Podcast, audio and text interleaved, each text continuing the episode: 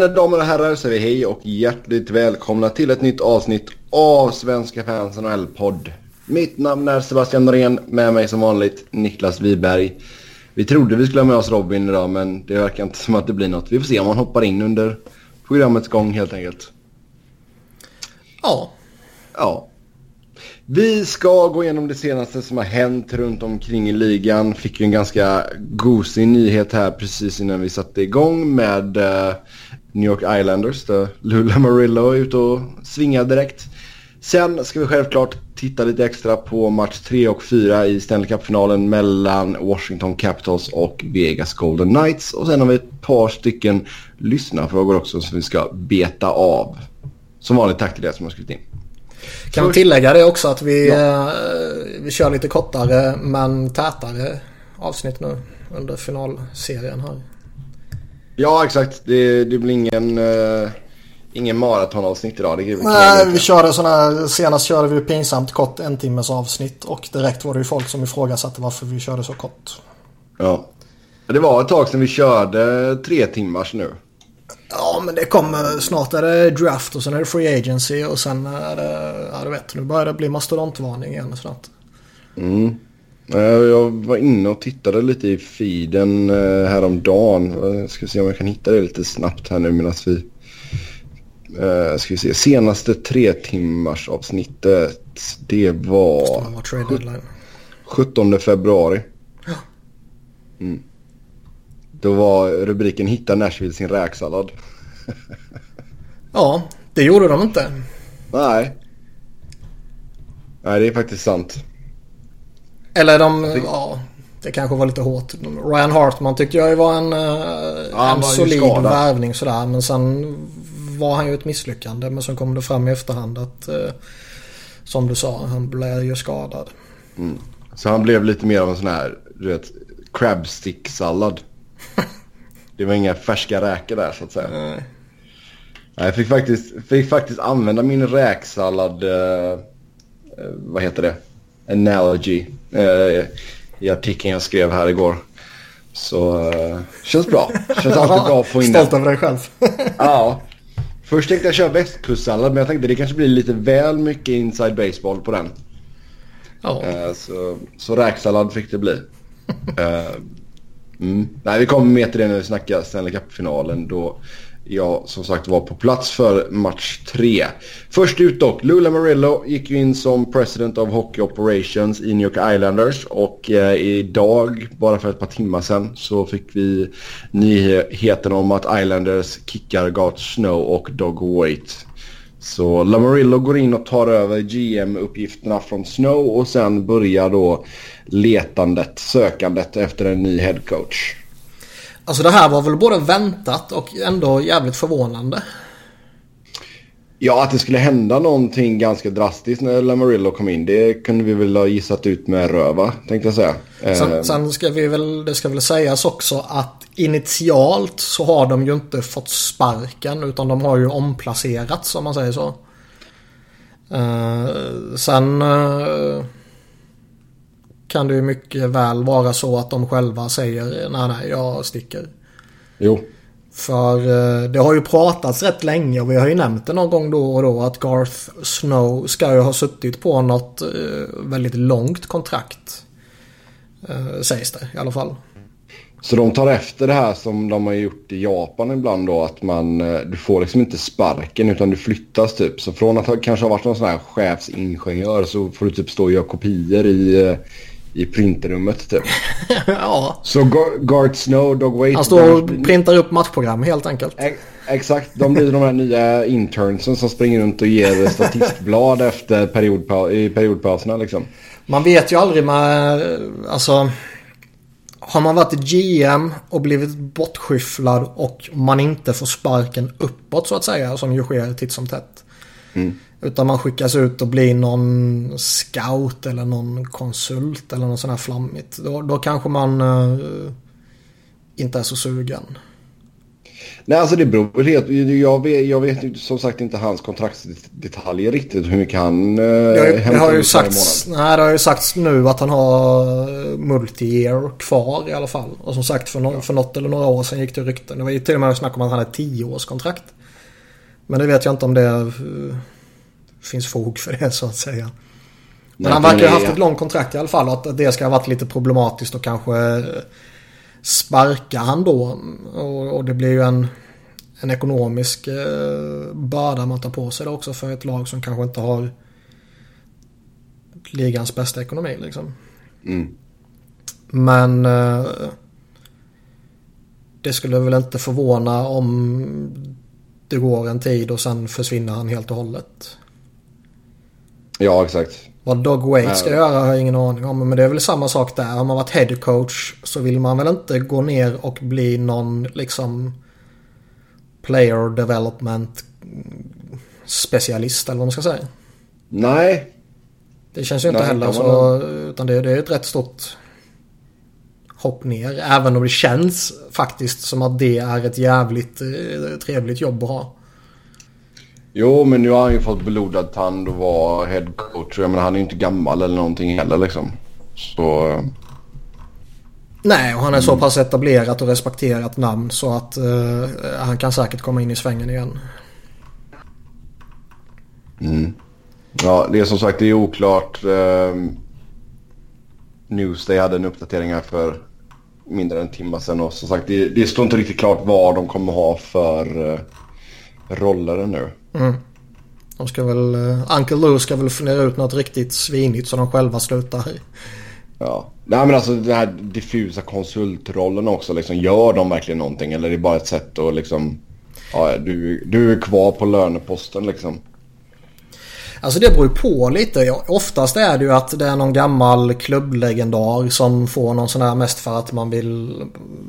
Vet, han ska ha något att göra och han ska få lite lön. Eh, eller man känner någon lojalitet mot någon gammal spelare eller någon som har varit i klubben jättelänge och som man inte vill liksom plocka bort helt och hållet. Mm. men det känns liksom att sparka någon så här, Garth Snow, som på det stora hela man ju ändå får säga är en uh, liksom har gjort det dåligt. Jo, jag, det känns ju inte som att det är någon sån som ha, man behåller kvar för att vara schysst mot honom. Ja, men du vill ju inte ha hans input än. Nej. Heller. Så, Sen ja. är det ju faktiskt jävligt relevant att fråga sig om man faktiskt vill ha Uncle Loos input. För vi pratade om det när han blev bortplockad från uh, Toronto och Kyle Dubas mm. tog över. Att han har inte gjort så jävla fantastiska grejer i Toronto alltså. Nej, alltså det är ju väldigt old school-tänk och man funderar ju lite på vad Island ska göra men samtidigt kan det inte bli så jävla mycket sämre heller liksom. Nej, det kan ju inte. Och det är ju det som talar för honom typ. Ja. och skulle han bara lyckas lösa John Tavares och få han till att committa och kanske lyckas till och med plocka in en Kowalczyk som han ju sägs ha, ha bra kontakt med och sådana här saker så då är det värt jävligt mycket för Islanders. Mm. Även om han skulle ställa till med, med jävelskap på andra håll genom att signa Roman Polaks och eh, Leo Komarovs och så vidare. Ja. Nej, alltså det känns ju inte som att han kommer gå och titta efter en coach i college-ligan direkt. Nej. Här blir det något sånt där namn som vi har sett många gånger förr. Ja, det kan det nog mycket väl bli. Vad är tippet nu för tiden? Scott Gomez är ju assistant coach. Har de fortfarande en bra relation? Mm. Ja, det vet jag inte. Inte jag heller. Fast han har bara varit där i en säsong. Det är kanske lite tidigt att bli headcoach då. Ja. Nej, jag tror det blir, det blir något sånt. Vi kommer sitta och bara, jaha. Ja, um, sen är väl Snow... Eh, överlag som sagt tycker jag att han har gjort det eh, svagt med, med Islanders. Han hade ju någon period för några år sedan där när han gjorde lite bra grejer. Han plockade in Nick Leddy och Johnny Boychuk och utnyttjade att eh, Chicago och um, Och Boston hade det jävligt tajt mot lönetaket och hastigt och lustigt fick de in ett, ett jävligt solitt första par. Mm. Uh, jag tycker ju när de plockade in uh, Grabowski och vem var det mer? Kulemin. Mm. Tyckte jag där och då var bra värvningar. Sen har ju det slutat med lite skadeproblem och jävelskap. Så det blev väl lite ja. olyckligt så. Men uh, jag tyckte han hade en liten period där det såg ut som att någonting kanske var på väg att kunna hända ändå. Men sen har det ju alltid... Det har ju alltid varit någonting med Islanders. Har det inte varit att John Tavares radarpartner har skickats bort så fort som möjligt så har det varit John Tavares egna framtid eller så har det varit arenafråga eller så har det varit relocation-rykten. Och så det har varit någonting hela tiden. Så Å ena sidan har han kanske inte haft den bästa förutsättningen. Nej, det har, kanske han inte har. Men han har ju inte... Man har ju sett andra GMs som inte har haft perfekta förutsättningar göra ett bra jobb. Och det tycker jag ju ändå inte att man kan påstå att han gjort. Nej. Nej, oavsett vem som kommer in. Om det blir att så att Lamarillo stannar kvar och håller i GM-trådarna så har man ju ganska mycket att pula med. Tavares självklart är ju första, andra och tredje prioriteten liksom. Mm. Men du har ju även Calvin Dehan i UFA, Thomas Hickey i UFA. Uh, Hallack vet jag inte vad man vill göra där. Om han är också UFA. Uh, Brock Nelson ska bli intressant också. Det var ju sen, senast det begav sig för honom så tog det väl upp till typ kvällen innan training camp började som han signade. Mm. Nu läste jag att han hade bytt agent. Uh, så det kanske blir smidigare förhandling denna gången. Ja.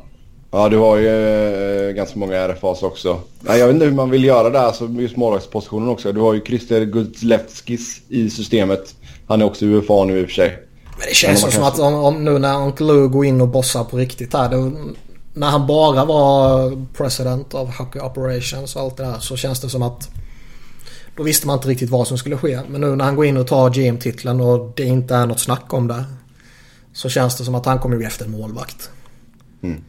Han, hans, uh, hans arbetsbeskrivning här och förmodligen hans individuella uh, målsättning eller vad man ska säga är ju rimligtvis att se till att John Tavares stannar och göra Islanders så slagkraftigt det bara går så fort som möjligt. Ja. Kan jag tänka mig. Oh ja. Ja, ja. Här snackar vi kortsiktigt så det sjunger om det. Ja, och det är kanske inte fel heller. Uh, får de bara Nej, alltså, Tavares uppsäkrad och uh, ny arena kommer här så småningom mm. och uh, lyckas peta in ja, en Kowalczyk och en mer etablerad målvakt och någon back till kanske så... Jag menar de kan ju mycket väl vara ett slutspelslag. Ja. De har några unga intressanta spelare också på gång som... Ja, Matt Barzal i täten liksom. Och sen är det ju ytterligare ett gäng bakom honom. Ja, Lamarillo och Joshua Hosang känns ju inte som en perfekt fit. Nej. Eller så är det vad Hosang behöver. Ja, kanske. Ja, Nej, det blir jäkligt intressant att följa faktiskt. Uh, får se vad de hittar på Vad händer förresten med Clusterfuck? Har inte han uh, någon lustig mustasch eller sån här trams? Det har han säkert. Bye bye med den. Ja, oh ja. Oh ja, det blir ingen musche där inte. Grice har väl kört skägg ibland också tror jag. Mm. Målvakter har ingen koll på när de har sina hjälmar på De bara, äh, skitsamma. uh, ja, nej men jag för mig Kladdeback har kört någon musche där ja. Det har du helt rätt i. Så den ryker ju. Uh, Lamarillo sa även att draften kommer vara helt i scouternas händer. Ja, och eh, oftast kan det vara så det fungerar. En, en, eh, en GM kan ju ha fullt upp med att lösa alla andra saker. Så det blir scouterna och kanske en assistent GM i normala fall då som, som bossar över draften och sen sitter coachen och GM jämte och kanske lägger in ett veto om det är åt helvete eller eh, dricker cola och ser glada ut. Mm. Ja, man har ju två val i första rundan och två val i andra rundan så det... Mm. Ja, det finns ju potential att jobba med ju. Sen känns det som att ska han gå all in för att göra dem så slagkraftiga som möjligt så kanske man inte behåller alla de där valen. Nej, det är helt sant. Ja, Uncle Lou. Det är bra. Det händer grejer när han är med i alla fall. Ja, det är ju lite spännande nu. Lite skoj att det händer något. Eh, Sådana där anmärkningsvärda saker så länge det inte händer ens egna lag. ja, nej helt sant. Eh, det var ju Draft Combine här nu i förra veckan. Är det någonting eh, som vi har snappat upp där förutom att Dalin kanske inte var überjävlig på de här testerna de får göra? Nej, men varför ska han vara det för? Ja, det vet jag inte. Och de här testerna är ju jäkligt konstiga också. Det är så mycket... Hoppa jämfota nu så högt du bara kan. Hoppa jämfota, någonting som du aldrig någonsin kommer göra på isen. Och eh, liksom pumpa bänkpress, någonting du aldrig kommer göra på isen. Och visst, man måste väl någonstans säkerställa att de har en, en, en grundnivå som är tillräckligt bra. Men det känns ju som att man kan göra de här testerna ännu mer hockeyanpassade. Oh ja. Och uh, om man Kolla, kan göra en uh, push-up eller vad fan det heter när man ska häva sig själv. Pull-up. Pull-up. Vem det nu var som misslyckades med det för något år sedan. Det har jag redan glömt. Ja, Men det, det säger ju glömt. ingenting om hur skicklig du är som hockeyspelare liksom. Nej. Så å ena sidan Låt... tycker jag ju de är jävligt Låt dem köra beep-testet på skridskor. ja, typ fan beef-testet alltså. Usch. Nej men som sagt, alltså, nu var det väl några år sedan men när jag läste lite idrottsvetenskap och grejer så fanns det ju tydliga bevis på att om du tränar benen var för sig så blir du starkare i om du använder båda benen tillsammans liksom. Mm. Och hur många gånger använder en hockeyspelare båda benen samtidigt? Det är ju när Tom Wilson hoppar upp för att tackla någon i huvudet. Ja men det är ju det när du ska göra en hopptackling det, och du skjuter ifrån. Det är ju bara då. Ja. Uh, eller när du ska hoppa in i sargen för att fira liksom. Annars, ja. annars är det ju alltid bara ett ben man skjuter ifrån med eller gör någonting med. Så man borde ju kunna anpassa det ännu hårdare. Sen som sagt man måste ha någon form av grund, grundtester. Så det måste ju göras kanske. Kanske. Men sen är det, det var någon, jag minns inte vem det var som skrev någonting att var, varför ska Dalin överhuvudtaget vara där? Han kommer gå etta hur han än presterar på de här testerna i, i andra idrotter och det kan du bättre än vad jag kan så verkar det ju inte ens som att de där absolut superstörsta talangerna behöver göra sådana där saker. Nej, det är inte alla som gör det, nej. Och ibland så sätter de ju på liksom egna grejer. Um, till exempel i amerikansk fotboll och sådär. Mm. Då sätter de liksom ihop ett eget litet camp och så kan scouter komma dit om de känner för det. Mm. Så uh, ja. Nej, det är lite konstigt. Men men. Uh, de bjöd ju in, vad var det, topp sju? Ja, något sånt till uh, Washington DC också. Så de fick ju se match fyra på plats. Uh, kul för dem. Uh, det gick ett rykte. Det lilla man kan...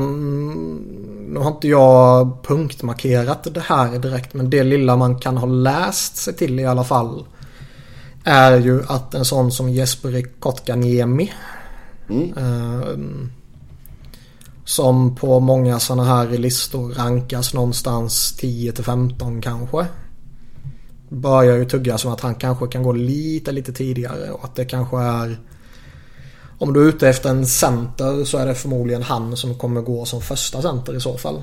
Och ja, okay. om du då plockar efter behov istället för best player available så kanske han kan hoppa upp en bra bit. Mm. Det blir ett uh, fint namn för alla kommentatorer att säga sen. Mm. Kan ju fan inte ens säga Bäckström ordentligt. Nej. Ja, fan. Det är en sån här smågrej man stör sig på. Det är så jäkla ologiskt men jag gör det ändå. Jag har egentligen inga problem med det för jag vet att jag säger saker fel själv. Jo, det gör jag med. Det finns ju ingen som slaktar mm. ryska namn som jag gör. Men, uh... men jag, jag, jag, stör mig inte så mycket på att man uttalar ett namn fel eller man... Någon sån där saker. Det, det Nej men det känns som att det är en sån lätt, det är en sån lätt grej att göra liksom lite bättre. För jag menar just Bäckström Fast det, jag tycker det är viktigare att de har en... Eh, att de har korrekta åsikter så att säga. Vilket jo, de sannerligen inte har. Det är ju avsevärt mycket viktigare än hur de uttalar namnen. Ja, vi kan ju dra den lilla grejen här. Från match fyra då, så när de hade den här studion inför matchen så körde de utanför arenan. Hade de ju en studio såklart. Eh, och då var det ju någon som hade skrivit en skylt eh, där det står då NBC i stora feta bokstäver så är det liksom Needs better commentators. Ehm, så den garvar man ju lite åt. Och kameramannen försöker liksom att se till att han inte är med i bild. Men han liksom bara ser till att han är med i bild hela tiden. Ja. Ja. riktigt bra. Så där garvar man ju lite gott. Um, nej men just det, alltså Bäckström känns som en... Det är så lätt. Det är bara att säga till dem. Uttala det som att det är B-E-C-K. Och så Strum då. Det är väl skitsamma. Uh, ja, jag, men jag bryr mig inte. Men just det att det blir back. Backstrom. Ja. nej. Usch. Usch säger jag bara. Eh, det gick ett rykte också tidigare i veckan, eller förra veckan, om att ligan har behövt hjälpa Arizona ekonomiskt. Eh, jag vet bland annat Adrian Dader skrev om detta på Twitter. Eh, blev ju nekat sen av någon eh, källa inom NHL. Eh, och eh, eminent Arizona-reporten Craig Morgan har även sagt att detta är falska rykten. Ja, eh, men eftersom det är Arizona känns det ändå som att man måste lyfta det.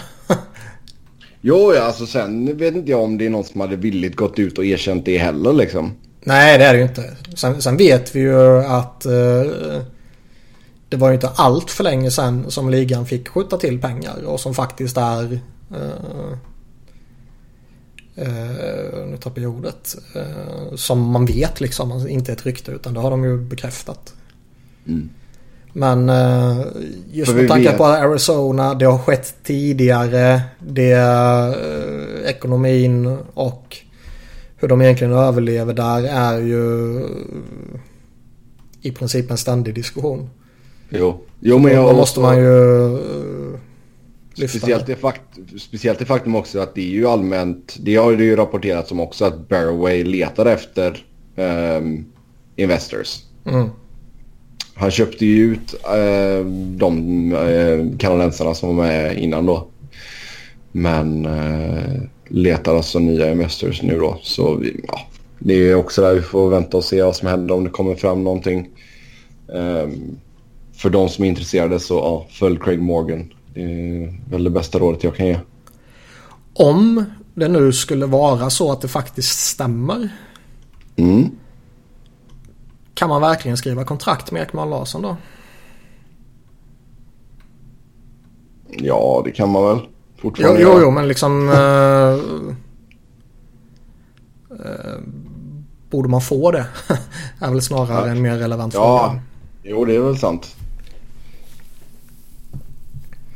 Alltså på ett, på ett sätt så visst, du ska inte spendera mer än vad du har så att säga. Uh, men jag menar, där, där får du ju signa honom och så får du skicka bort något annat i så fall. Jo, men det är ändå en... Uh, alltså ska han signa det här åttaårskontraktet på 8 plus miljoner som det snackas om och som The Bobfather var ute och pratade om så sent som i, igår tror jag det var. Mm. Så är det ju en stor ett stort åtagande. Ja, det är det absolut. Och eh, kan man då inte ens gå runt så borde man få ta på sig alla de miljonerna. Jag kan tycka att det är eh, ett jävligt svårt fall. Eller vad man ska säga. Jo det är det och det är ju synd att inte alla på så sätt så är det ju synd att klubbarna, eh, att inte alla klubbar går bra eller liksom sådär går med vinst så att säga. Det hade ju varit dröm, drömscenariot. Uh, och att man kanske inte skulle behövt ha den här att de klubbarna som går jättebra hjälper de som går sämre liksom.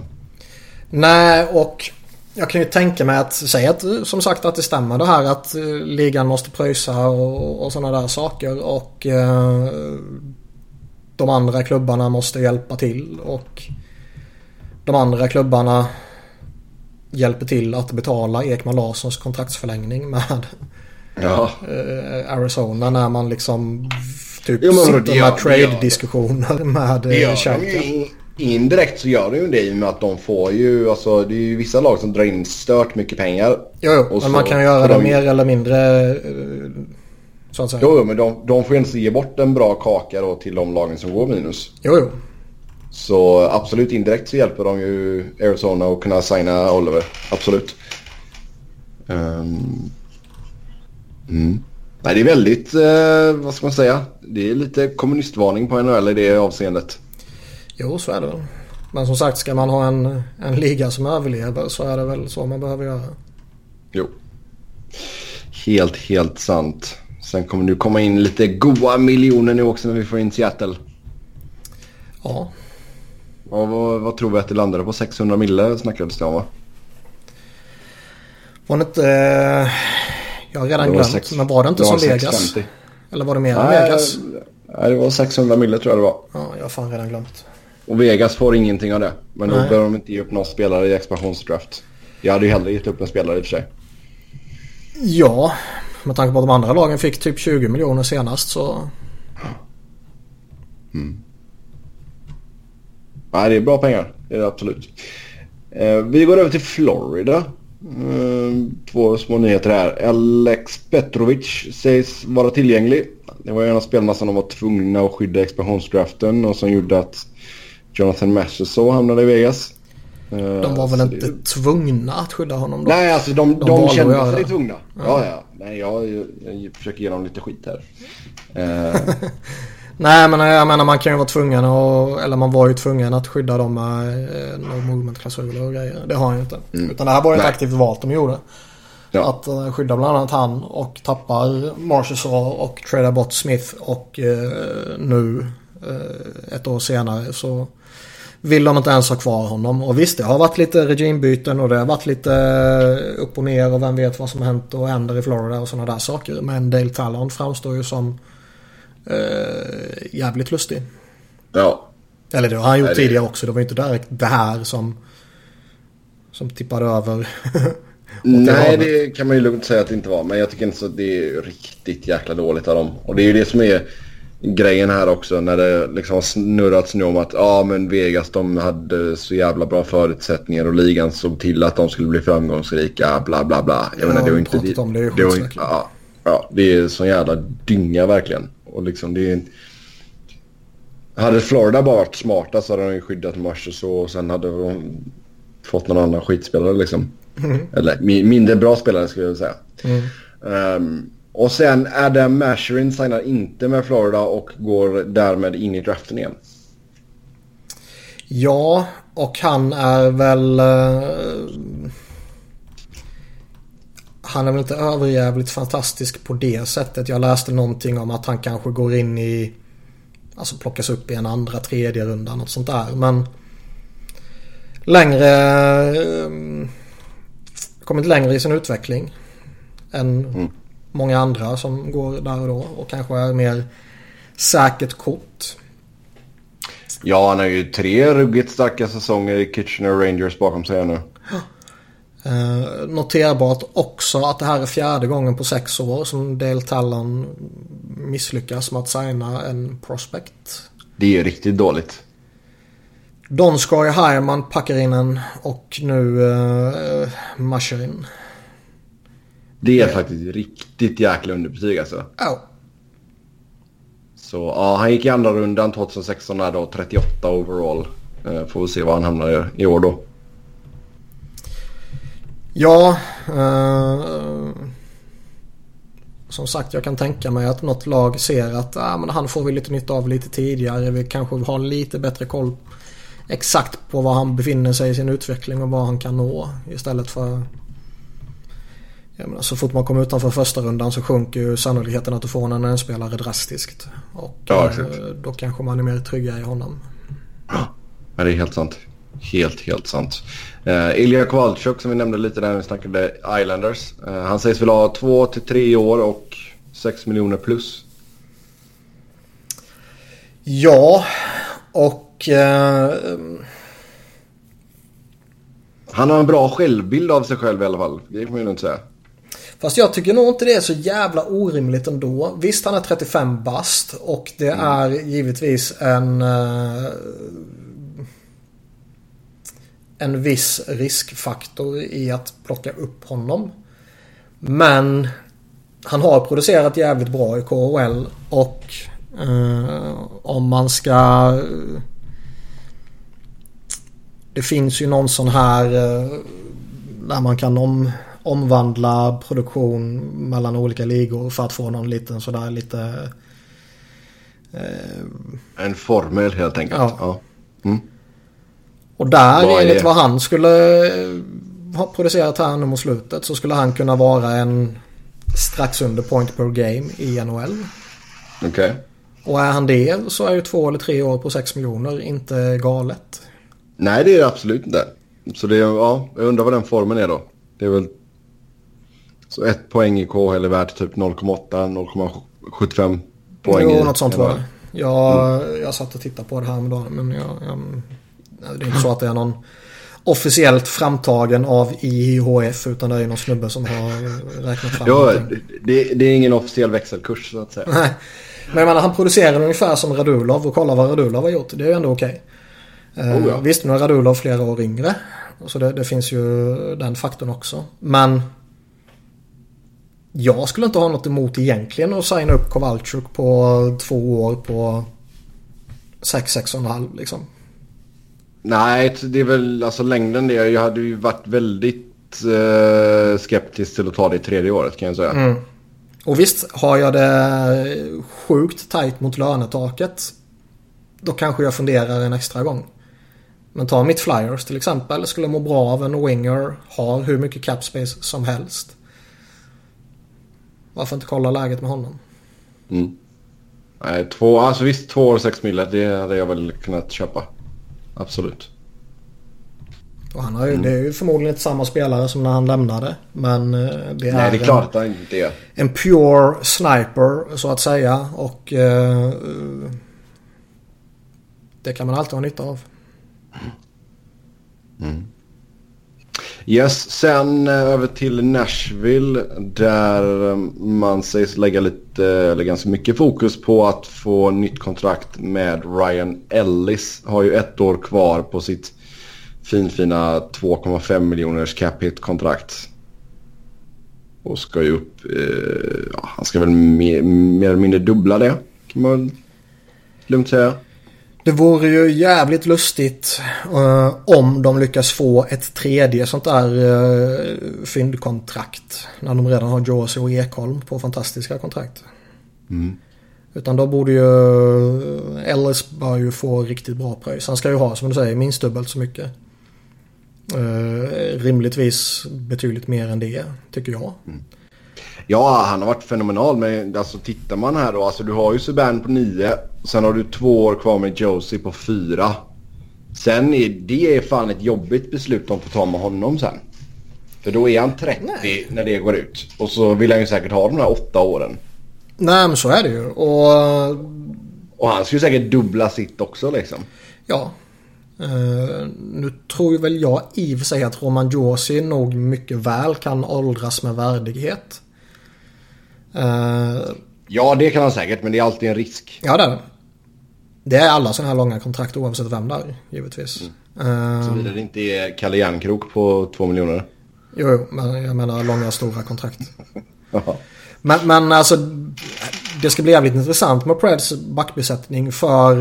Uh, Den kan ju bli riktigt dyr riktigt snabbt alltså. Ja, och eh, blir Ryan Ellis så dyr som han kanske borde bli. Sen kanske man smiter eh, undan från någon miljon eller sånt där med tanke på att han han gör inte överjävligt mycket poäng utan han ligger ju kring eh, 30-talet poäng. Sen hade han en sjuk säsong nu men det var 44 matcher och 32 poäng. Men det är inte en hel säsong. Nej. Eh, där kanske man kan komma undan lite billigare. Jämfört med om han skulle gjort 50 poäng så att säga. Men... Eh, Ska han få vad man kanske förväntar sig att han ska få? Roman Josi. Det är väl inte orimligt att han kräver förlängning kommande år liksom. Eller kommande säsommar. Nej. Och då kan det bli dyrt där och då kanske det till och med kan vara så att man bör undersöka en trade. Ja, det är ju antingen det så får du skaka om lite. Alltså antingen att du får offra Ekholm. Eller Nej men det gör man ju du... inte. När han sitter på det sjuka kontraktet. Okej. Okay. Jag kan inte tänka det... mig att man offrar Ekholm på 3,75. Okej, okay, men om vi tittar på forwardsen då. Bonino lär ju ligga pyrt till då. Ja, där finns det ju gubbar man kan offra. Smith kan man ju offra och Smith, ja, Smith Bonino kan man skicka. Också. Så det, visst, man kan skaka fram miljoner där. Men... Och som sagt, snart försvinner ju Pekarinnes 7 miljoner och lönetaket bara ökar. Så det kanske inte är några problem. Men... Nej. Det är ju ändå en diskussion som det känns som att Preds internt måste ha. Kan vi gå vidare med Nej, här fyra? Och, och sen jag tycker det är helt rätt att försöka lösa Ellis nu. För det har vi sagt många gånger förut. Jag tycker ändå att han är en av de spelarna som du inte ska gå in i säsong med på utgående. Nej, det måste man lösa. Uh, och jag menar, egentligen så kan han ju bara bli dyrare för dem. Känner jag i alla fall, så länge han håller sig frisk. Ja. Så... Uh, mm. Nej, Nashville alltså, det är... Det är ett bra lag alltså. Man undrar vad den här lilla grejen är som krävs för att de ska gå hela vägen. Uh, ja. Uh... Hade vi vetat det då hade vi varit GMs. Um, Mon Montreal och Max Pacioretty snackar förlängning. Ja, å ena sidan sägs det att de snackas förlängning och å andra sidan sägs det att väldigt många lag eh, hör av sig till dem för att prata sign and trade. Uh, vi ja, alltså, har väl vi... båda två varit rätt, uh, rätt övertygade utan att ha någon som helst jävla info såklart. Att han inte ville vara kvar. Nej, alltså jag hade inte velat vara kvar på det sättet som de har behandlat honom. Hade jag varit Galchenyak hade jag inte heller velat stanna kvar. Nej. Uh, Galchenyuk har ju två år kvar på sitt kontrakt. Uh, Pacioretty går in på sitt sista år här nu. Mm. Så uh, nej, det är två spelare som alltså, jag gärna hade sett i, i mitt eget lag. Uh, men som Montreal av någon anledning inte uppskattar. Och sen har vi pratat om det också att man vill ju göra Shea Webber till kapten och allt det där tjofräset. Ja. Uh... Men samtidigt så skulle det inte förvåna mig heller ifall de bara tar sig ett från Pacioretty och ger det till Webber heller liksom. Jag vet fan.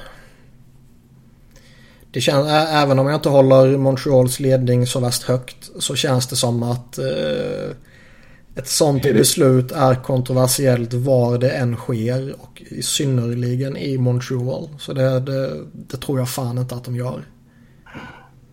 Uh, då tradar de honom hellre. Mm. Och det är ju bättre att trada sin lagkapten än att låta han bli UFA och lämna som UFA. Ja, herregud. Om man bara pratar lite symbolvärde typ. Mm. Så han är också en sån där signa eller skicka. Jo. Jo, alltså det är asset management är ju alltid jävligt viktigt. Jo. Um, så det, ja, Montreal har lite att pula med här också. Carey Price 10,5 mille nu. Ja. ja. För varje år som går så blir det ju ett mindre problem. Men det är ju ett problem. Ja. Ja, mannens kropp verkar ju vara ett ganska stort problem. Jo, nej, men jag menar liksom mot lönetaket. Det, mm. Om det ökar och ökar så kommer det bli ett mindre och mindre problem. Men ja. 10,5 för en målvakt som redan börjar få skadeproblem är ju som vi har sagt många gånger inte idealiskt. Nej, verkligen inte. Verkligen inte. LA ska vara intresserad av Phil Kessel. Det här gillar jag.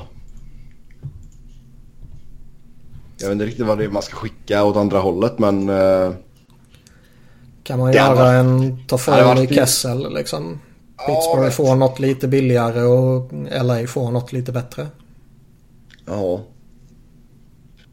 Det är mycket möjligt. Alltså, man hade ju ganska stora förhoppningar på Toffoli efter eh, vad det 15-16 säsongen när han gjorde 31 baljor. Mm. Nu gjorde han i och för sig 24 i denna säsongen, vilket inte är dåligt på något sätt. Men um, det är klart att Kessel hade varit en uppgradering och kunna lira Kessel jämte Kopitar i en första kedja hade varit riktigt nice faktiskt. Ja, det är ju en superduo värdig i namnet liksom. Mm. Sen... Äh, ja, för det är väl lite så också. Jag menar Toffoli han är 26 nu och har två år kvar på sitt kontrakt. 4,6 miljoner cap hit. Han kanske inte blir bättre än så här. Nej, det är högst rimlig påstående. Då, då tror jag fanken jag hellre har Kessel alltså. Jag tror eh, LA tror jag skulle kunna må bra av att spetsa till eh, med en riktigt bra winger. Mm. Kopitar och Carter i all ära men eh,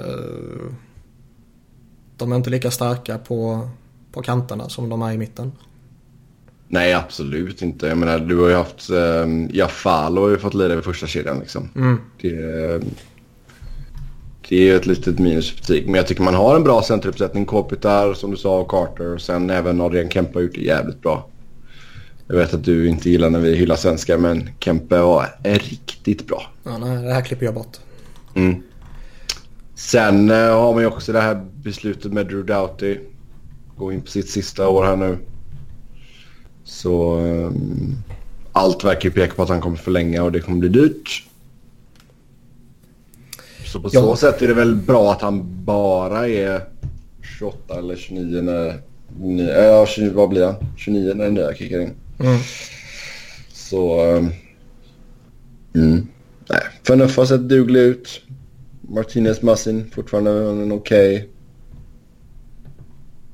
okej okay, uh, liksom kvalitet på dem. Quick var ju bra i slutspelet för och bra i grundserien också. Man släppte in minst mål av alla i hela ligan. Mm. Så defensiven är inga problem med. Men som du säger, spetsa. Alltså, egentligen skulle du vilja behålla Toffoli och ändå spetsa till uh, kanten. Liksom. Men det, det kanske är lite av en utopi att försöka få, få gjort det. Men... Nej, men det löser man väl inte. Men jag tycker det, det känns som en rimlig bit där med Kessel och Toffoli som de stora bitarna. Det borde ju tilltala båda lagen tycker man. Ja. Sen över till Carolina. Uh, en av Justin Falk eller Noah Hannifin sägs bli bortbytta. Uh, och sen ska man vara sugna på Ryan O'Reilly samtidigt som Buffalo kopplats ihop med Jeff Skinner. Mm. Uh, ja, vad fan ska vi börja med? Vi kan börja med backarna där så uh, Hannifin har det ju faktiskt pratats lite om och uh, inte för att han har något misslyckande på något sätt. Men han har ju inte tagit den extrema farten som många förmodligen trodde. Nej. Nej, nej, han var ju non-typad. Ja. Och Justin Falk uh, har jag alltid gillat lite sådär. Jag tycker han har varit Jo men han har väl varit lite det där undre skiktet av dem som ändå har varit ganska bra liksom. Ja, han har legat på en hyggligt stabil nivå. Han har gjort det rätt bra i en rätt kass omgivning ändå. Och sen dippade han väl lite denna säsongen. Men det kan ju ligga någonting i det med tanke på vad, vad som har sipprat ut från Keynes med kulturbyte och mm. de vill skaka om. och de verkar vilja byta kapten och det här jävla tramsiga upplägget med två kaptener verkar de ju skrota och då ryktas det ja, om att typ Justin Williams ska bli kapten och då kanske man skickar bort den gamla kaptenen istället som är folk. Ja. Nej, alltså jag, jag, tror inte att den säsongen han hade i år liksom är talande för vad den spelaren han är. Han hade så tre raka säsonger med minst 15 mål innan dess.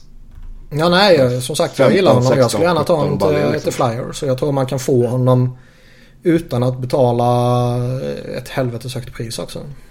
Mm. Har ju två år kvar på sitt kontrakt. 4,8 lite drygt i capita. Har ju 4,8333333. Mm. Um, och, och är, Ja, speciellt. Alltså jag menar högerbackar är ju eftertraktade. Uh, allmänt liksom. Så mm. få in den på ett bra kontrakt dessutom. Uh, mm. Ja, de har lite och alltså just backbesättningen i Hurricanes är inte...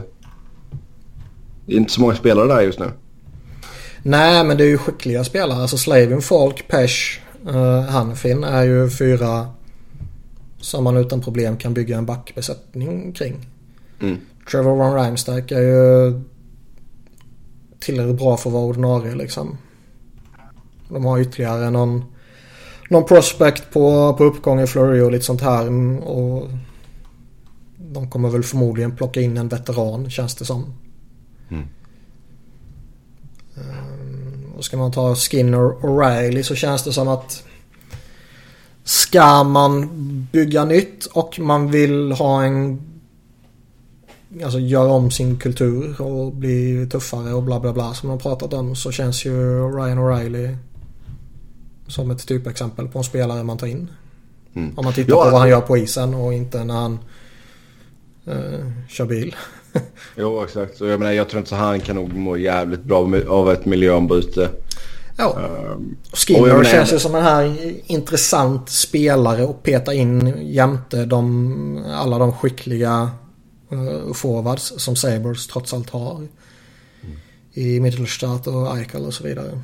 Ja, han kan säkert sänka några baljor om han får lira jämte Eichel. Ja. Uh, men jag menar även på, på forwardsidan så har ju inte så Carolina, alltså det är inte många, det är bara uh, Jordan Stahl och Viktor Rask som har kontrakt uh, över säsongen 1920 just nu. Mm. Sen är det klart Sen kan man nog räkna med att både typ Terralainen och Aho kommer ju skriva långtidskontrakt känns det som. Ja, Lindholm får väl ett nytt uh, ganska långt också tror jag. Förmodligen. Men uh, de pratade ju också, Brinda Moore när han tog över, att han förväntar sig mer av honom. Så de kanske inte committar. Men han, han kommer ju ta, den här, han kommer ju ta den här klassiska svensk-discounten. Där de inte kräver så jävla mycket men att de får bra med term liksom. Ja, kanske. Så det blir typ fyra år på två och en halv eller någonting. Ja. um, så ja, vi får se vad som händer där. Men att Carolina kommer att skaka om lite det känns ju helt undergivet. Någonting kommer ju hända och jag tror det var Friedman som sa det här att han, han är liksom övertygad om att en av Hannifin eller folk kommer försvinna. Mm. Alltså man har ju sjukt bra med prospects i pipelinen liksom. Jag hade gärna sett uh, att man ger några av de här chansen. Frågan är om man verkligen gör det nu då med det här kulturbytet. Det ska bli större och tuffare och allt det där skräpet som har sagts. Jag menar, vågar man slänga in en 19-årig Jake Bean liksom? Jag fan vet om han är redo i och för sig. Men, uh, Nej, kan, kanske inte. Men jag hade ju hellre sett eh, 19-årig Jake Bean eh, lira åtta minuter i tredje paret än att man ska ta in någon trött veteran. Som bara är där för att han är stor och tuff liksom. Jo, du, du vet vad jag tycker om det också. Men uh, jag ser det inte som särskilt sannolikt. Nej. Mm. Ja, uh, Friedman säger ju att Skinner och Pacioretty kan bytas bort då under draften. Mm. Alltid skoj med stora grejer eh, på draften. Ja, herregud. Kör på. Vi vill alltid ha action. Eh, vi går vidare till Stanley Cup-finalen där Washington Capitals nu har matchpuck. 3-1 i matcher mot Vegas Golden Knights efter två eh, ganska övertygande vinster får man säga ändå hemma i Capital One Arena. Eh, match 3 vann man med 3-1 och match 4 vann man med 6-2. Eh, var ju som sagt på plats för match 3. Eh, sjukt, alltså nästintill eh, perfekt match av eh, Capitals. Visst Holtby bjuder ju bort ett mål till eh, Nosek där. Men förutom det så Alltså man är ruggigt bra alltså. Men jävla målvakter, de ska inte gå ut och spela pucken. Nej, jag vet. Det har vi sagt många gånger förr. Uh... Det... När det blir fel Även om han, eh, han är ju inte direkt ligans sämsta på det. Men uh, Ah, Nej men bra, alltså även de, som är anser, även de som är ansedda som har varit jävligt bra, typ Mike Smith, han har gjort ett par sådana kalastavlor liksom. Så det spelar egentligen ingen roll hur bra du är med pucken. Sen kan man ju alltid väga det liksom, är, är du verkligen superbra på det så kanske det är värt att du gör det bra eh, 29 gånger och misslyckas den 30 gången. För jo. de 29 andra gångerna har varit så fantastiskt bra. Jo men här var det ju verkligen jättedåligt gjort. För det var liksom, ja. han tittar ju inte ens vart fan han lägger pucken. Mm. Nej alltså, så, jag tycker men... fan målvakter ska stå där i, i, sin blåa jävla yta. Och går de utanför den då ska de fan vara tacklingsbara. Mm.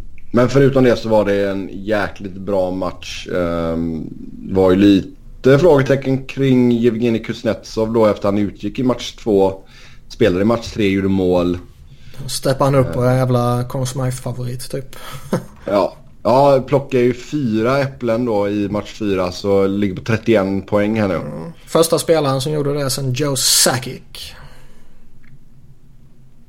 Ja, fyra, eh, fyra assist i en finalmatch ja. Mm. 90, ja, när blir det? 96 tror jag det var. Ja, något sånt. Och sen är han ju endast den femte spelaren då sen 97 som har gjort minst 30 poäng. Mm. Så... Eh, han var mm. bra. Fan vad bra han var. Äntligen har Ovechkin en, uh, en värdig uh, lekkamrat. Nej, äh, tyst nu. uh, men jag, jag, frågan är fan inte ändå om Ovechkin får Conn Smythe ändå alltså. Jag tror det kan vara lite Alltså alla pratar ju bara om Kuznetsov och Ovechkin. Känns det som. Ja. Men eh, Holtby? Ja, alltså det är Jag har inte rynkat på näsan ifall Holtby fick den heller. Jag tycker fan det är men, helt öppet mellan de två. Eller de tre menar jag. Men jag tror ändå så att det kommer vara lite för lockande, speciellt för de här old school eh, journalisterna att eh, rösta på Ovechkin. Jag tror tvärtom. Old school journalisterna kommer välja Holtby. Ja, att de har, de, de tänker good Canadian boy. Ja. ja. Men jag, jag tycker de bara, verkligen det är... De bara, fan vi kan välja mellan två ryssar och en Canadian boy. Ja, men, Exakt, vad fan tror du? Ja. Eller amerikan? Nej, är han kanadensare? Ja, han är från uh, Lloyd Minster som ligger precis på gränsen mellan... Uh, fan är det Alberta och uh, Saskatchewan kanske det ja. Har jag för mig. Nu får jag dubbelkolla det bara för det. Lloydminster, jo det stämmer. Jag vill inte ha fel. Nej, uh, ja, Lloydminster vet jag inte. Men att det ligger på gränsen mellan... Ja, japp. Ligger på gränsen mellan Alberta och Saskatchewan. Ja, ja, ja. Så blir det när man uh, gör lite research för artiklar ibland. Och vissa grejer stannar fan kvar i huvudet på Det är helt otroligt hur det kan bli ibland. Men som sagt, jag tycker det är helt öppet mellan de tre. Mm. Och det kan väl Recent bias avgör ju jävligt mycket. Säg att eh, Caps tar det i, i nästa match här och Holtby håller nollan. Då får jag en röst bara på det. Mm. Säg att Ovechkin gör ett hattrick och blir matchvinnare. Då får jag han röster bara på det. Och ja. eh, säg att Kuznetsov gör någonting. Då får jag han eh, röster bara på det. Absolut. Nej, alltså det känns ju nu alltså. Jag har väldigt svårt att se att Capital ska tappa detta. Eftersom det är caps så kan ju precis vad som helst ske. Ja, fast samtidigt så känns inte detta som... Det känns som att man redan har tagit sig förbi det här hindret. Den mentala blocken som man har haft. När, när du, så, du vänder ett 0-2 eh, underläge mot Columbus efter att ha tappat två första på hemma. Du slår ut Pittsburgh liksom för första gången på en evighet. Och sen så när du så ligger ganska pyrt till mot Tampa för det kändes ju verkligen som att ah, men nu går Tampa och tar detta. Ja. Så gör man två kalasmatcher och vänder på steken liksom. Så det känns som att det är ett, an, ett, ett annorlunda Washington-lag än det vi har sett tidigare. Alltså jag, jag lutar ju åt det du säger. Men om det är något lag som kan kapsa bort det här så är ja, det Ja, om det är något lag som ska leka Spurs så är det, så är det väl Washington. Ja. Ja. Eh, det vore ju så typiskt att de går upp till 3-1. De har allting eh, liksom sådär upplagt för antingen en sjuk jävla segerbankett i Las Vegas eller eh, vinna hemma liksom. Mm. och sen kommer man skita ner sig och misslyckas. Alltså oavsett vart de vinner så kommer det bli oerhört stökigt. Oh ja, på på bästa möjliga sätt alltså. På, ja. Um, Powerplayet hade ju inte varit kalasbra i finalserien men i match 4 så sätter man tre baljor i powerplay. Eh, Oshie Karlsson och Brett Connolly. Eh, jag, jag, en, sak, en sak som jag faktiskt reagerar på det är när folk tycker att eh, Washington inte skulle ställa upp sin första PP-uppställning där eh, i slutet av tredje. När man, ja, det här man, man ska inte driva upp um, ja. Ställningen. Ja, det, det, det är liksom en final. Det är så jävla... Det där att man inte får förnedra. Utan liksom leder du med för mycket då ska du, då ska du skita i att spela. Det är det dummaste jävla skitsnacket som finns. Ja. Om du har möjlighet att förnedra då ska du förnedra så du bara sjunger om det. Uh, och du ska definitivt inte slå av på takten för Visst är det en minut kvar då tar de ju inte in uh, fyra målsledning liksom. Men uh, hockey är en sån extrem slumpartad sport och så mycket kan hända på kort tid.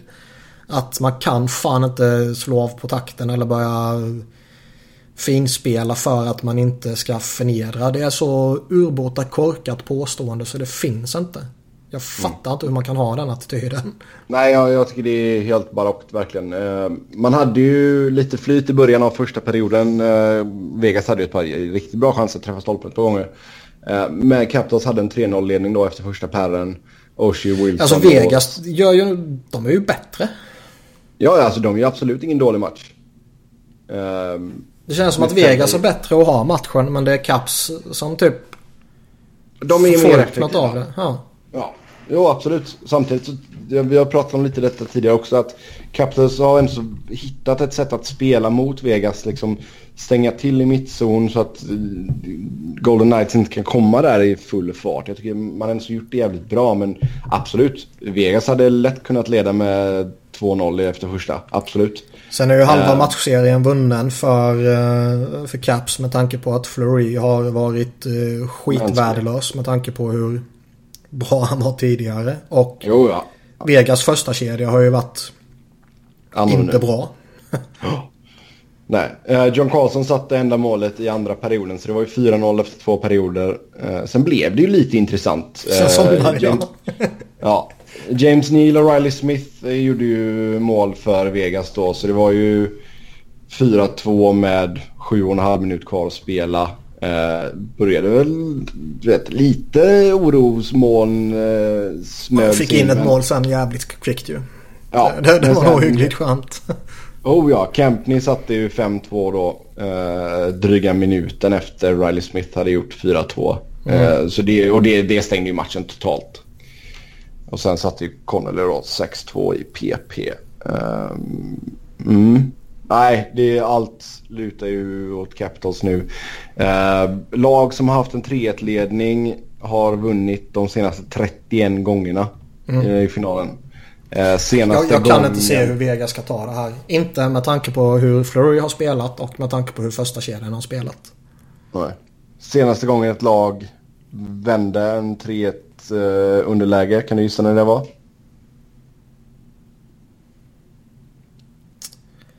Ja, det är väl bara att räkna bakåt om det har varit 31 raka gånger.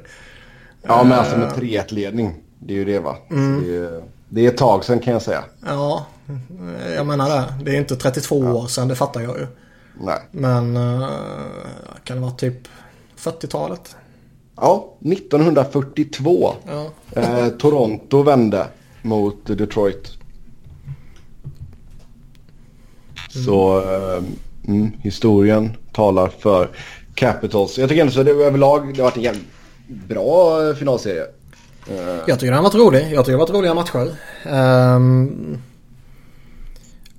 säga vad man vill om Vegas. Om man gillar det eller om man föraktar att det går så bra för dem och uh, hela det här köret. Men det är rätt roligt att se dem spela.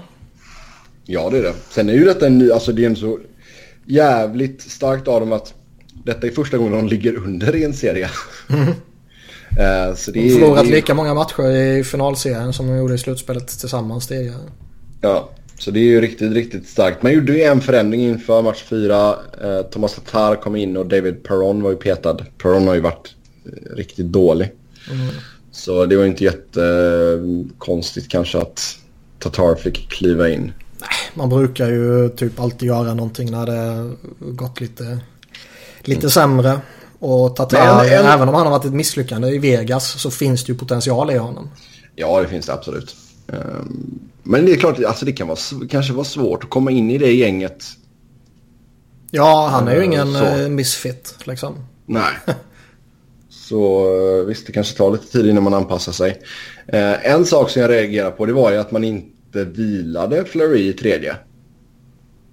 Det var ganska många som tyckte att ja, det är väl lika bra att ta ut honom nu då. Låta han vila tredje perioden.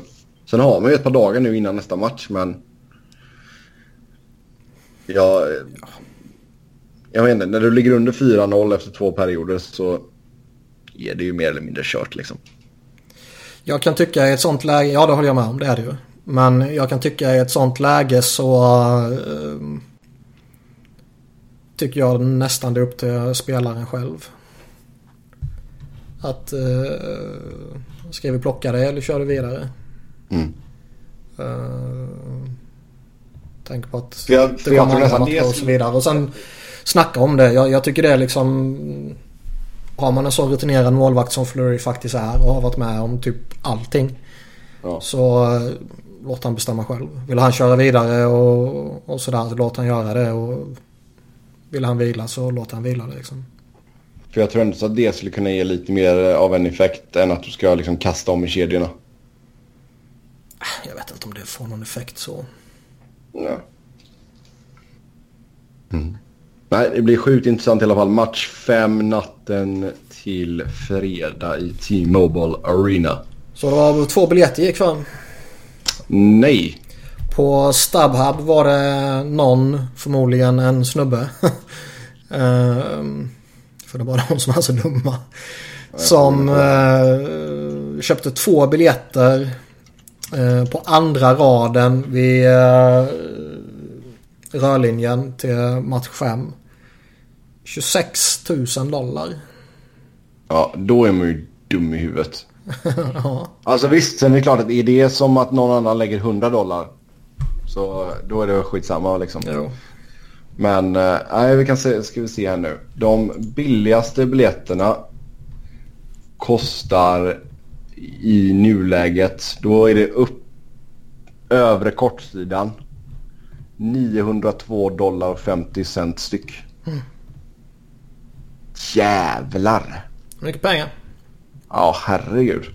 Då måste man ha varit Vegas-supporter i många, många år om man ska betala de pengarna. Jag tänkte säga eller, eller en eh, Washington-supporter som är sjukt uh, svältfödd. ja, exakt. Det, det är väl det jag kan känna att det är väl i så fall... Det känns nog mer rimligt kommer jag på när jag hade börjat prata. ja. ja det, där kan man nog casha in lite tror jag. Absolut. Uh, ska vi se. Om det nu skulle vara så att det blir match 6.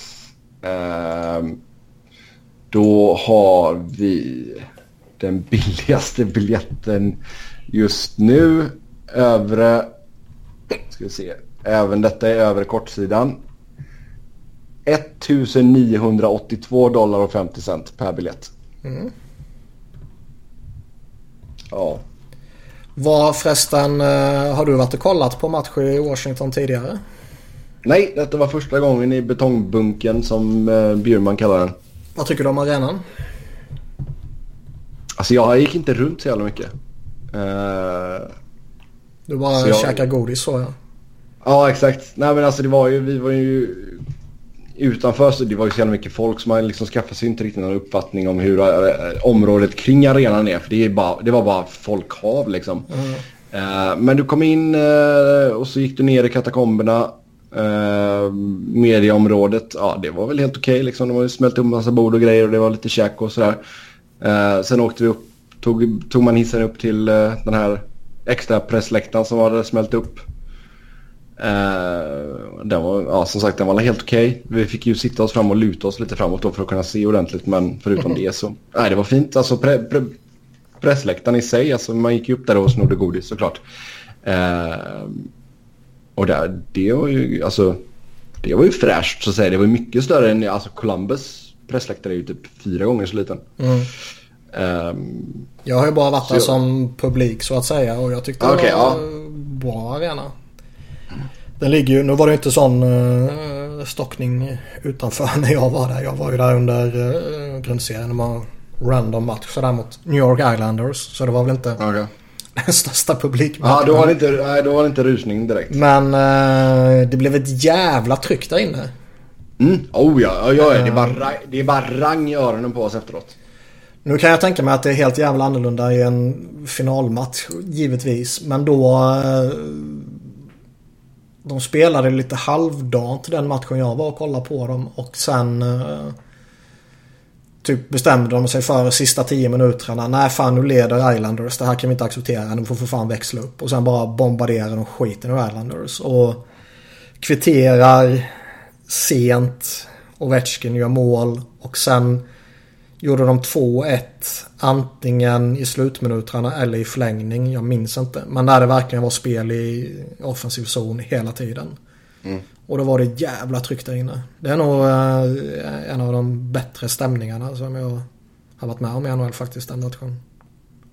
Ja, alltså jag kan ju säga att det var ju bättre tryck här än vad det var i finalmatchen eh, som jag var på i New Jersey. Ja, New Jersey det räknas ju inte. Men det var ju fortfarande liksom finalmatch och slutsålt och allt sånt där. Ja, ja, men träsket för fan.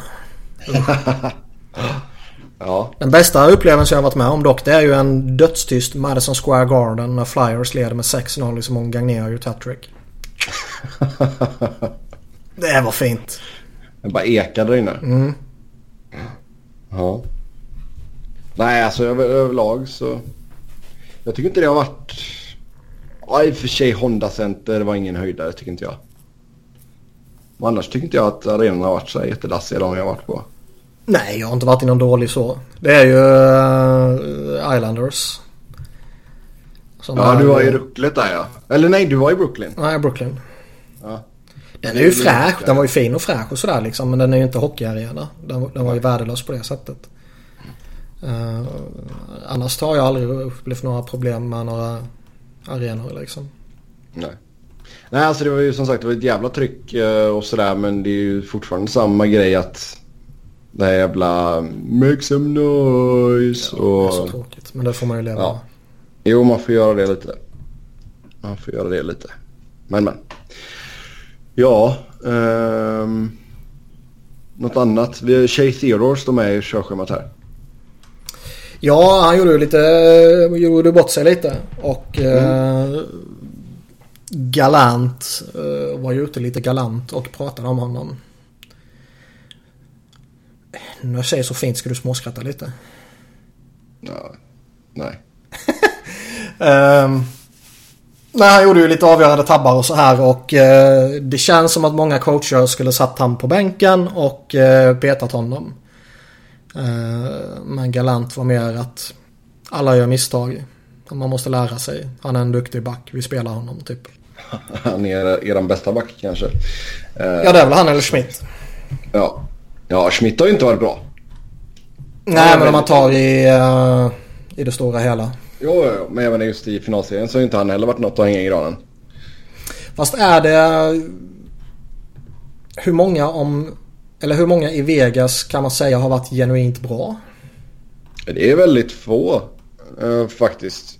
Fjärdekedjan har ju varit Jag tänkte säga det. Det är ju typ fjärdekedjan. Och till, till och med, jag tror det var Marchessault var ute och snackade nu att vi måste spela som, som liksom fjärdekedjan. Ja. Och det är ju uh, å ena sidan direkt alarmerande att höra. Å andra sidan, ja jag kan väl förstå det på ett sätt. Jo men de har ju väl sett ut lite. Alltså, sen är det klart att det ser ju värre ut när Washington har spelat så bra också. Jag tycker uh, Alex Tuch tycker jag har varit... Uh, det har hänt lite kring honom liksom. Ja, tack är bra. Men uh, han har inte fått ut så mycket. Nej. Nej, det är helt sant. och som sagt, plocka... Får, får man, får man en Flurry mänsklig. Och han har väl till och med varit sämre än mänsklig. och eh, första kedjan inte presterar så är ju Vegas Vegas. Mm. Vad Vegas borde vara typ. Uh, ska vi se. Jag tänkte att det här kan vara kul att se lite jämförelse. För det är ju NBA-final också nu. Mellan Golden State och Cleveland. Um, ska vi se. Match 3 just nu. Då har du de billigaste biljetterna ligger på 2,45. Match 4 2,96. Eh, match 5 5,70. Så ja. Inte lika roligt där kanske. Sen är det väl typ fjärde gången de möter varandra i final också. Jo. Så, ja. Var det LeBron James har varit i final typ 17 år i rad eller någonting känns det som. Ja, ja något sånt. Ja, det är Golden State Warriors mot Cleveland Cavaliers. Så det är lite basketfeber har vi här i Ohio. Oj, oj, oj. Det har vi inte i Växjö. Sen skiter jag faktiskt i det. Så är det inte Lakers så... Kan jag kommer ihåg NBA 98 hade jag. Okej. Okay, fan ja. vilket grymt spel det var. Mm. Fattar vad jag plöjde det. Jag har aldrig jag varit basketintresserad överhuvudtaget. Jag, har, jag kan inte mer än typ tre regler kanske. Jag har varit, när jag och Emil var iväg så var vi på en basketmatch och det var ju lite häftig upplevelse sådär. Men jag är liksom totalt ointresserad av basket egentligen. Men det spelet, fan vad grymt det var. Mm, ja, jag tycker många av de lite äldre spelen var nästan roligare. Det är samma sak, alltså mitt absoluta favorit Fifa är ju 98 Road to World Cup. Det absolut bästa var ju, jag tror det var, var alltså vanliga Fifa 98. Eh, eller om det kan ha varit 99. Där man kunde filma. Eh, 98 då var ju den där grejen att du kunde skruva frisparkarna. Ja, jo, det kommer jag ihåg. Det måste varit 99 du kunde filma då. Ja, det var där omkring. Jag minns inte exakt vilket det var. Men det kan ha varit 97, 98, 99 där omkring. När man kunde filma. Det var så jävla häftigt. Ibland fick man straff och ibland blev du varnad för filmning och ibland hände ingenting. Och... Mm. Ja, det var skoj. 90, vad fan var det mer? Det var väl 96 tror jag på Super Nintendo. Då var det ju bara att... Fifa 96 ner... hade jag på eh, dator. Du springer bara ner på högerkanten och sen när du är strax utanför straffområdet då skjuter du och så blir det mål. Det var liksom sån jävla bugg verkligen. Det blev alltid mål. Man kunde lobba från uh, mittplan kommer jag ihåg. Och så blev det alltid mål. Om du sprang så det var precis utanför mittcirkeln. Alltså vid sidan av mittcirkeln. Ja. Och precis när du kommit över mittplan så slår du en, en lobb. Så långt du bara kan. Och sen så skruvar du bollen. Då kom, liksom in mot målet. Då blev det alltid mål. Ja. Ja, det är kul. Alltså, så där har ni, ni kids som uh, spelar Fifa uh, 18. Nu, nu, Fifa alltså, 96, nu, där har ni grejer alltså. Ja, alltså Fifa 18, jag kan ju inte ens... Jag skulle förlora varenda match med 10-0 typ. Det är liksom för mycket olika grejer nu. Och du vet på de här gamla när det... Håll ner en knapp så springer du snabbt bara. Ja, det var ju knappt ens det. Det var uh, två knappar man använde typ. Ja. Passa och skjut. Sen uh, NHL, NHL, då är det ju 94 som liksom satte guldstandarden verkligen. Ja. Också jävligt bra. Åk ner i ena liksom, teknikcirkeln, passa in eh, i slottet och så upp, mål. Det var något av dem, inte så tidigt men typ 97, 98, 99 NHL-spelaren där också. Det bara åkte rätt in i tekningscirkeln och från tekningspunkten så eh, drar du ett slagskott upp i närmsta krysset så blir det mål mm. 99 av 100 gånger. Japp. Ja, 94 var fint. Jeremy Ronick var typ bästa spelaren på spelet. Det hade inte jag, men en kompis hade, vad var det, Sega eller vad fan det var. Ja. Uh, där spelade vi mycket. Ja, det var bra på Sega också, absolut. Ja, liten uh, sidetrack där, men... Det var bättre förr. Det var bättre för, absolut. Ehm, vi går in på lyssnarfrågorna här. Ehm, tack till er som har skrivit in. Vi har två stycken idag. Ehm, först ut är vad säger ni om Ellers kontrakt? Ni var kritiska när Cap signade honom. Lönetaket är upp mot 80-82 miljoner så kan, den, kan detta kontraktet vara en av de bästa nu. Montreal hade ingen tydlig roll för Eller. Orpik ett år kvar och JC, John Carlson då, kan man signa med det nya lönetaket. Uh, alltså, Eller har ju varit oförskämt bra för Capitals. Speciellt här nu Eller har varit äh, jättebra.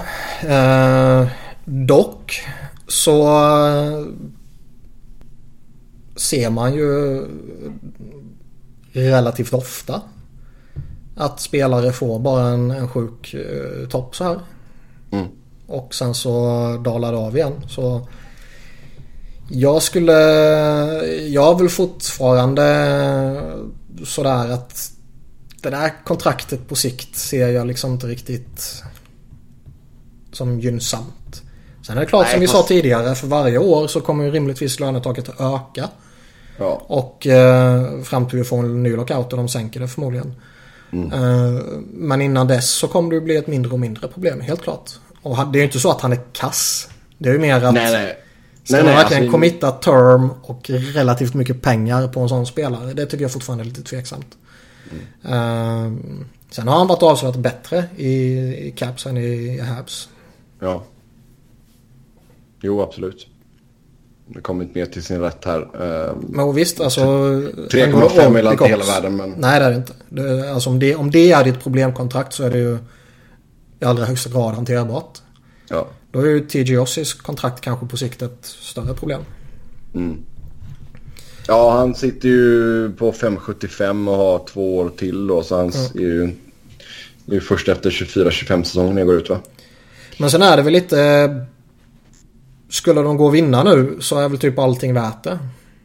Alltså, oh ja. Brooks Orpics kontrakt ju, har ju varit skit hela tiden tycker jag. Jag tycker han är inte alls värd de pengarna. Men eh, går de och vinner nu och han har haft del i det, vilket han ju har haft. Mm. Ja, då är det värt det. Jo, absolut. Och visst, ja, man, man, alltså, säg, säg, att de skulle... Uh, uh, vad heter det? Säg att... Uh, säg att de skulle, inte skulle förlängt med Eller utan de skulle fått göra det nu. Mm. Då skulle han ju rimligtvis bli dyrare.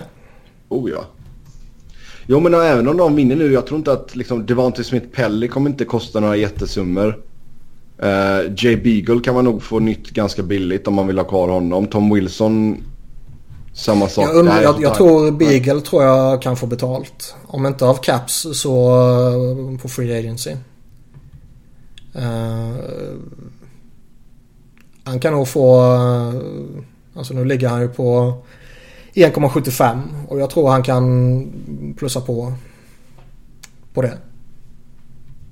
Det känns som en sån där klassisk spelare som han kommer från Magnus Cup-ring. Han eh, vet, uppoffrande spelstil, döda utvisningar, PK-specialist och har den bilden mm. och, och sådana där saker.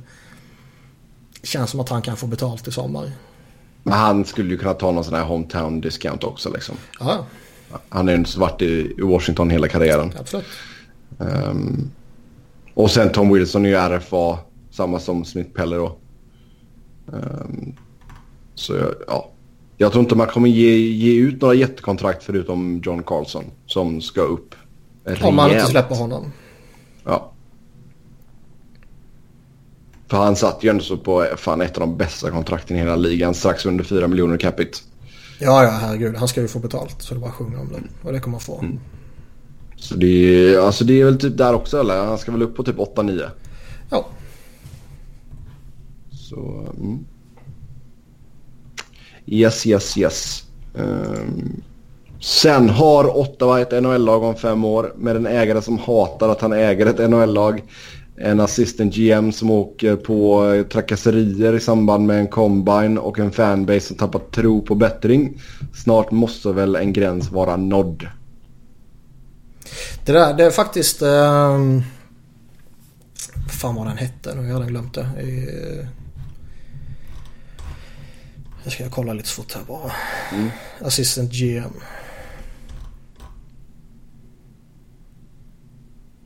Randy Lee. Mm. Han har hamnat i lite blåsväder här nu. Ja, han hade ju lite sådana här närmanden mot en chaufför var det väl, har jag för mig. Okej. Okay. Eh, av lite eh, sexuell karaktär. Inte lite sexuell karaktär. eh, du vet att jag alltid försöker vara lite finkänslig. Ja, exakt. Eh, eller så är det så att jag inte kan alla detaljer och försöker vara lite fin. Men han har ju varit där och, och fingrat och kommit med lite... Uh, han vill ha lite Henk Penky. Ja. ja. Och det är som någon snubbe skrev på Twitter att under de kommande två veckorna som kommer Prospects flyga in till Ottawa med sådana här tester och intervjuer med laget och det ska pratas och diskuteras och grejer och eh, det förefaller ju som att hans status inom organisationen och hans eh, liksom, arbete inte kommer förändras någonting utan han kommer fortsätta. Okay. Och han är eh, anklagad för att ha eh, gjort den här skiten. Kommer vara involverad i det här. Det känns ju inte rätt alltså. Även om man det här är oskyldigt hur du är dömd och i det här snacket så man kan fan plocka bort honom från det här under den här perioden. Mm. Det, det, tycker jag är jävligt okänsligt. Ja, um, alltså vi kan ju se här. Uh, han var arresterad då i torsdags och uh, är charged with harassing a 19-year-old man driving the hotel shuttle. Mm. Uh, by allegedly då rubbing his shoulder and making lewd comments. Så ja. Um, detta är alltså ingen criminal charge. Uh, utan vad de kallar en violation. Så om han är found guilty, förlåt för min svengelska nu, så kommer han åka på uh, böter. Ja. Men oavsett vilket, det känns inte... Alltså nu kommer det Nej, alltså, man, man, är, miss, man är mitt uppe i det här. Inte, jag hade inte, nej men vadå, helt seriöst alltså som förälder. Jag har inte velat skicka mitt barn dit. Nej, för helvete. Glöm det säger jag bara. Om man är mitt uppe i det här och han ska vara involverad i, i pre-draft eh, jobbet så att säga under draft. Nej, det är fan inte okej. Okay. Där måste Nej. detta vara... Eh, sätta han på att göra något annat liksom. Mm. Nej, det är helt sant. Eh, men ja, en gräns måste vara nådd. Alltså, jag, alltså, grejen är att tappar man Karlsson då går ju all luft ur detta laget. Ja, eh, beroende på hur man eventuellt tappar honom. Alltså spelar han ut kontraktet och sticker då är det ju förödande. Tradar man honom, man får hur mycket betalt som helst för honom. Då kan man ju ändå eh, plåstra ihop det eventuellt. Jo. Jo, uh, alltså tapp, tappar man honom på free agency då kan du fan lägga ner laget. Ja, ja. Du flyttar dem till eh, Quebec eller vad fan som helst. Men då ryker ju Duchene också av bara farten. Ja, men då ryker ju alla ju. Ja. Um... Pajar, vill säga, här vill jag inte stanna kvar. Nej, exakt. Men alltså tradar de honom, vilket det är ju allra högsta grad en möjlighet. Mm. Så eh, då kommer man ju få bra betalt rimligtvis. Eh, om man inte ska vara sådär dumsnåla och slänga med Bobby Ryan och få sämre betalt. Ja, exakt. Uh, och det, alltså, kan, det kan ju rädda lite men alltså Tradar du Erik Karlsson så kommer du ju oundvikligen ge upp den bästa spelaren vad du än får jo, tillbaka. Absolut. Jo, jo. Men alltså grejen är att du kan ändå så rädd på något sätt försöka, som du säger, plåstra ihop det lite. Men då ska du ju inte kräva att någon ska ta på sig Bobby Ryans skitkontrakt. Nej. Då, eh, vi sa ju det redan det, det, det Vi sa det redan då. Det säger ju allting om den här jävla skitorganisationen. Mm. Där gör du dig inga tjänster överhuvudtaget. Nej. Utan är det så att det lutar åt att ja, Karlsson kommer inte förlänga. Nej. Casha in så mycket ni bara kan. Ta högst, högst bjudande och kör liksom. Man undrar, på tal om eh, eh, pengar och åtta va? Mm. Så undrar man ju om Mark Stone faktiskt kan vara eh, offer sheet aktuell. Oh ja!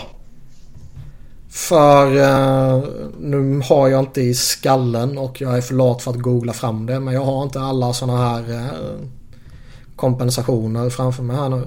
Har inte det på uh, Cup Friendly någonstans? Jag vet inte. Um... Qualifying men, men... offer calculator här vet du, eller nej? Nej. Här, offer sheet har vi. Vänta. Vänta, vänta, vänta, vänta. Där har vi den. Uh, ska vi se. Då ska vi se. Uh, säg att du bjuder, vad, vad, säg en rimlig siffra för honom då.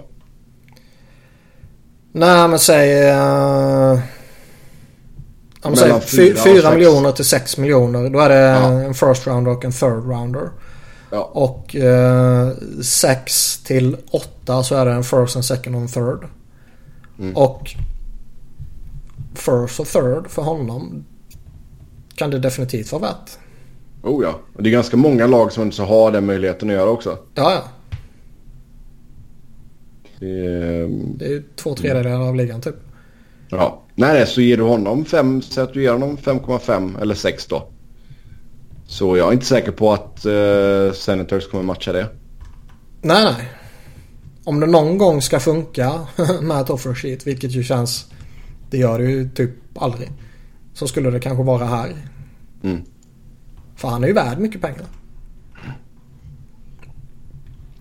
Ja.